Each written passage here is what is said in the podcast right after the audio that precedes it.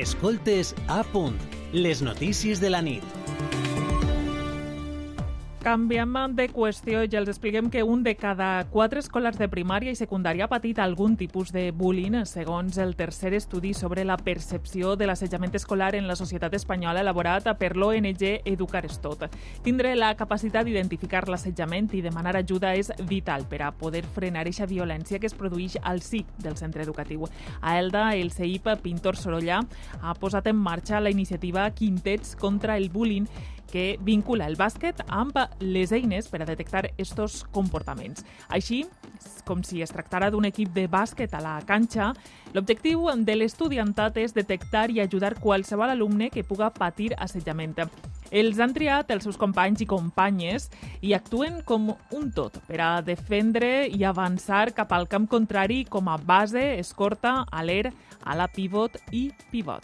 Primero es ir a hablar con la persona y después ya preguntarles si quiere comentárselo a algún adulto. Ja ho han sentit. Primer han d'identificar un cas de violència verbal o física. Després, ajudar a qui la pateix, sense mirar cap a un altre costat. Finalment, explicar el que ocorre al professorat i a les mares i pares. Salut Alarcón és la presidenta de l'associació Planta Cara al Bullying d'Elda. Se piensa que, que va a ser un chivato, nada más lejos de la realidad, es un valiente. Queremos ver eh, hacer que vean que son valientes. Miguel Ángel Rodríguez és el professor d'Educació Física al Col·legi Pintor Sorolla d'Elda. Els patis, per exemple, abans n'hi havia molts problemes, molt, moltes eh, situacions de, de, de violència verbal, i ara són els, els alumnes mateixos els que són capaços de resoldre Reclamen més formació per al professorat i programes de sensibilització com este a l'alumnat per a poder guanyar la partida a l'assetjament escolar. I si ampliem el focus, perquè ampliem el focus ara, perquè segons l'estudi de l'ONG internacional Bullying Sense Fronteres, els casos d'assetjament escolar a Espanya continuen en augment. 7 de cada 10 xiquets i xiquetes pateixen tots els dies algun tipus d'assetjament i ciberassetjament. Una realitat que inevitablement deixa empremta en l'estat de salut mental de les víctimes. De fet, segons l'Organització Mundial de la Salut, al món, un de cada, una de cada set persones joves entre els 10 i els 19 anys pateix un problema de salut mental. Avui, primer dijous de novembre, es commemora el Dia Internacional contra la Violència i l'Assetjament en l'Escola, inclòs el ciberassetjament, segons la UNESCO. I volem aprofundir en esta qüestió i com abordar-la. I per això tenim comunicació amb la neuropsicòloga clínica infantil i d'adolescents, Nerea López. Bona nit. Bona nit. Eh, en general, l'etapa infantil i juvenil és d'experimentació, d'autoconeixement i d'exploració del món on vivim i de la gent que ens rodeja. Però quan un xiquet o una xiqueta de sobte esdevé víctima d'altres xiquets o xiquetes que l'assetgen, normalment és difícil de gestionar. Mm, per por, per vergonya, eh, és difícil dir què, què està passant. Què haurien de fer en situacions com aquestes? Com se'ls pot ajudar a aquests xiquets i xiquetes i també joves o adolescents? Doncs jo crec que, que la base seria un poc eh, la comunicació en general, és a dir, si en casa hi ha una, un clima de comunicació positiva, serà més fàcil que el xiquet o la xiqueta ens comunique eh, que està passant alguna a classe o al col·le que, que, que li està molestant o que li està passant, perquè moltes vegades ells tampoc són molt, molt conscients de que el que està passant és, és assetjament, no? És, eh, saben que potser hi ha algun xiquet que, que està pues, que normalment se fica més en o els insulta o depèn de, dels tipus d'assetjament, però eh, tampoc saben exactament què passa. Per tant, un clima de, de comunicació positiva jo crec que, és, que seria com la base, és a dir, si tenim la informació directa d'ell, de mira mamà, mira papà, és que en el col·le m'està passant esto, ahí jo crec que està la clau un poc per intervindre. Uh. Eh, este dia té com a objectiu sensibilitzar a tota la societat al voltant del problema no? que suposa este tipus de violència i la necessitat de posar-li fi.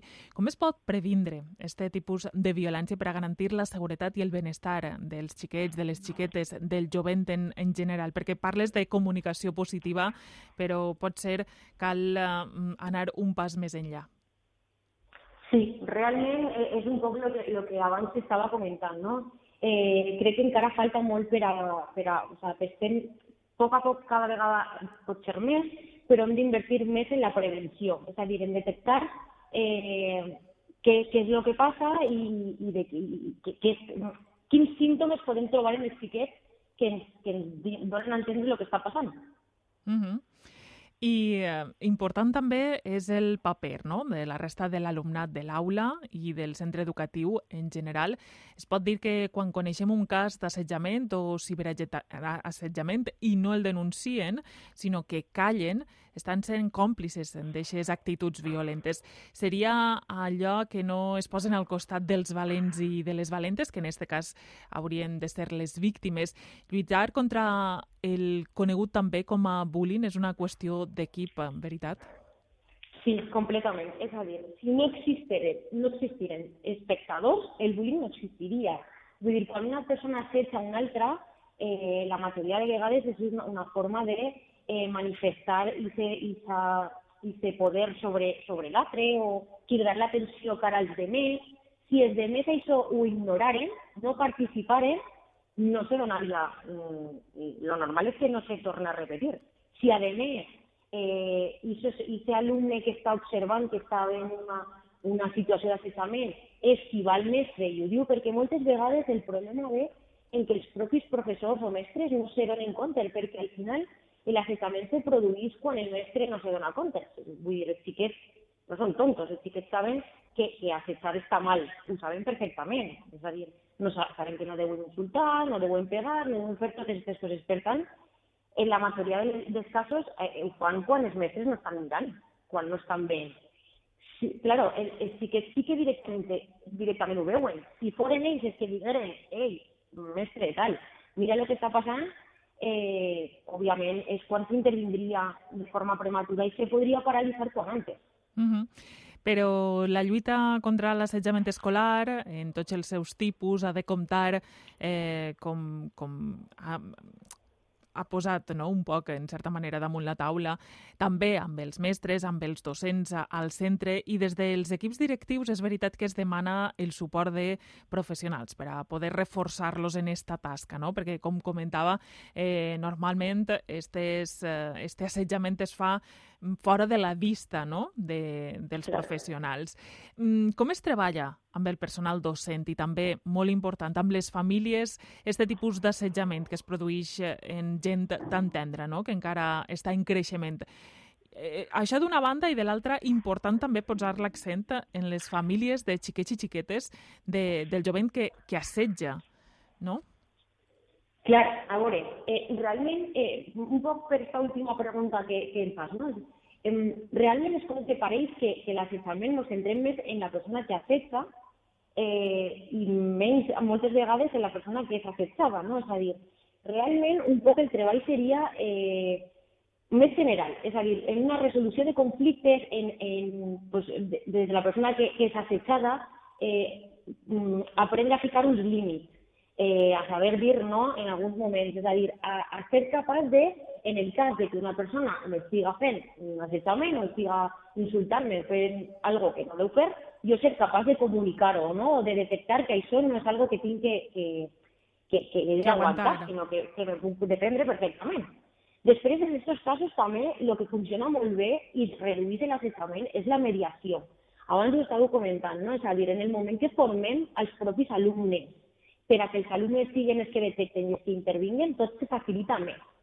I en quant als mestres i docents, pues, realment és formació, és detectar en quin moment i fer xiquet. En els, en els xiquets afectats moltes vegades trobem símptomes, és a dir, eh, més depressius no? o, o més tristos, no entrar a classe, de repent comença a fer-me mal la panxa i no vull anar a classe, el cap, o vull que crides a ma o a mon pare que no vull anar a casa, vull dir, tot allò que s'isca de, de la normalitat del xiquet que coneixem com a normal i que no està passant res, això ens té que crear una alerta. No vol dir que qualsevol xiquet que li faci mal la panxa està, està, està patint un, assessament, no té que veure, no? però un poc estar en, en els ulls oberts i dir, a veure, aquest xiquet què li passa? O és un xiquet que està en el pati i no juga ningú i que està un poc més apartat de lo normal.